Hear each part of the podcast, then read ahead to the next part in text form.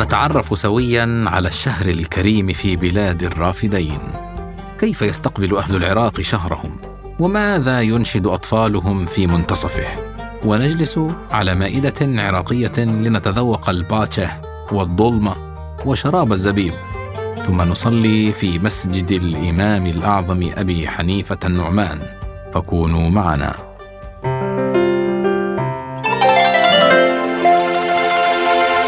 تنوين بلسان عربي. هنا بلاد الرافدين العراق. في بغداد دار السلام مدينة القباب والأبواب الأربعة. بغداد التي كانت عاصمة الخلافة العباسية قبل قرون مضت. يتزاحم الناس في الأسواق طيلة الشهر من بعد صلاة الظهر حتى قبل المغرب بقليل. تبتاع الحلويات من سوق المنصور وتكمل مسيرك لسوق الشورجة لتبتاع بعض التوابل وبعدها تهدأ المدينة ليعود ليلها نهارا بأناسه ورواده في المساجد والأسواق إلى ساعات الليل المتأخرة. يا مية هلأ برمضان ويامة يا مية هلأ. يستقبل أهل بغداد ضيفهم العزيز بما يسمى مربع رمضان وهو فن تراثي تفردت به بغداد. يقوم على أربعة اشطر يرددها الفنان وتعيد خلفه الفرقة والسميعة وترافقهم آلة طبل كالرق أو الدف.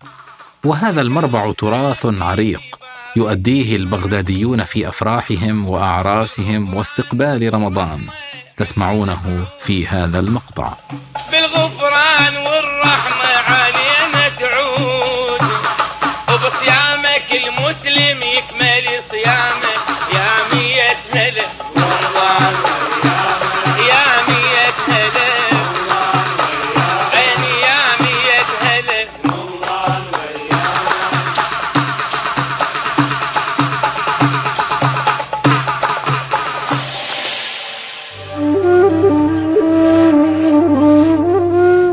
عند الحديث عن العراق. لا بد لنا أن نتوقف أيما وقفة عند مائدة موصلية. فالمطبخ الموصلي يحظى بمساحة خاصة في عدد الأطباق وتنوعها. يكفيك أن تعرف أن كتبا ألفت بعنوان كتاب الطبيخ ككتاب محمد بن الحسن البغدادي الذي كتبه قبل سقوط بغداد بيد المغول بثلاثة وثلاثين سنة.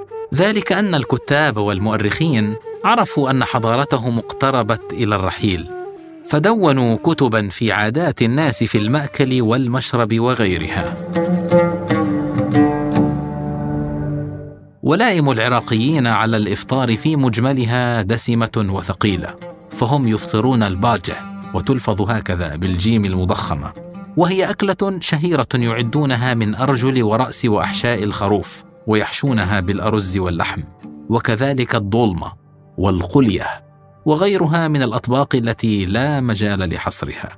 لكن أهل بغداد على وجه الخصوص يصنعون خبزا خاصا في رمضان وهو خبز عروك خبز محشو باللحم المطحون يتناولونه عند الإفطار. ولا تخلو موائدهم من شراب الزبيب الذي يتناول عند الإفطار أكثر من الماء.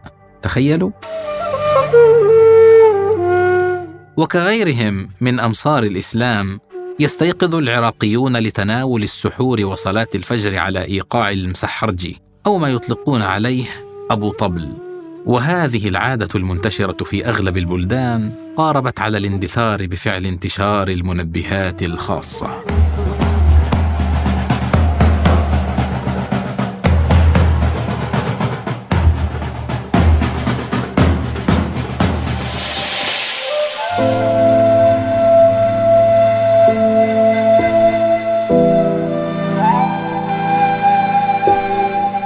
في ليلة منتصف الشهر يحيي أطفال العراق عادة حسنة يسمونها في الجنوب القرقيعان أما أهل بغداد وشمال العراق فيسمونها ماجينة.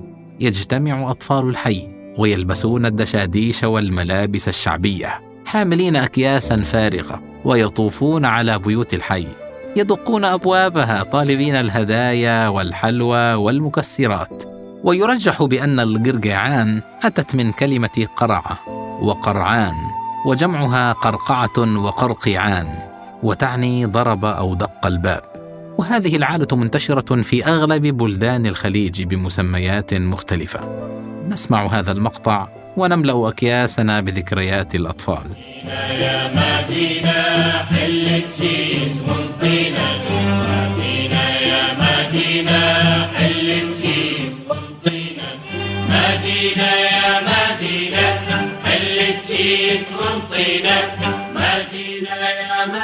حل الجيس وانطينا حل الجيس للطالب وانطي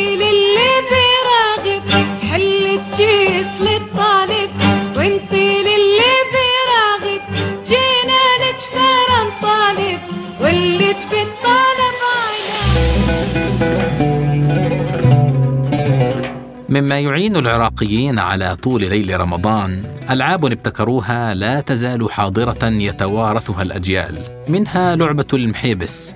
في هذه اللعبة ينقسم المشاركون لفريقين يخبئ أحدهم خاتما أو محبسا في يده ثم يقوم بتخبئته بيد أحد أفراد فريقه دون علم الفريق الثاني. عندها يقوم أحد أفراد الفريق الثاني بالبحث عن المحبس بإسقاط الأشخاص الذين يعتقد بعدم وجود المحبس بيدهم وعلى الفريق الآخر أن يعرف بالفراسة موضع المحبس والذي يحصل نقاطا أكثر يفوز. في العشر الأواخر تختلف طقوس العباد. فقد ترى تجمعات كبيرة عند مسجد الإمام الأعظم أبي حنيفة النعمان من اعتكاف وصلاة وتسبيح، وقد تذهب إلى مرقد الشيخ عبد القادر الجيلاني حيث حلقات الذكر والمدائح، أو عند أحد مراقد الأئمة الاثنى عشرية بين صلاة وتضرع كل حسب مذهبه. في السنين الأخيرة أخذت بعض الاحتفالات طابعا سياسيا بحكم ما تمر به البلاد من أحداث. فقد يفطر شيعة العراق قبل سنتها بيوم أو العكس حسب مرجعيتهم في إعلان العيد.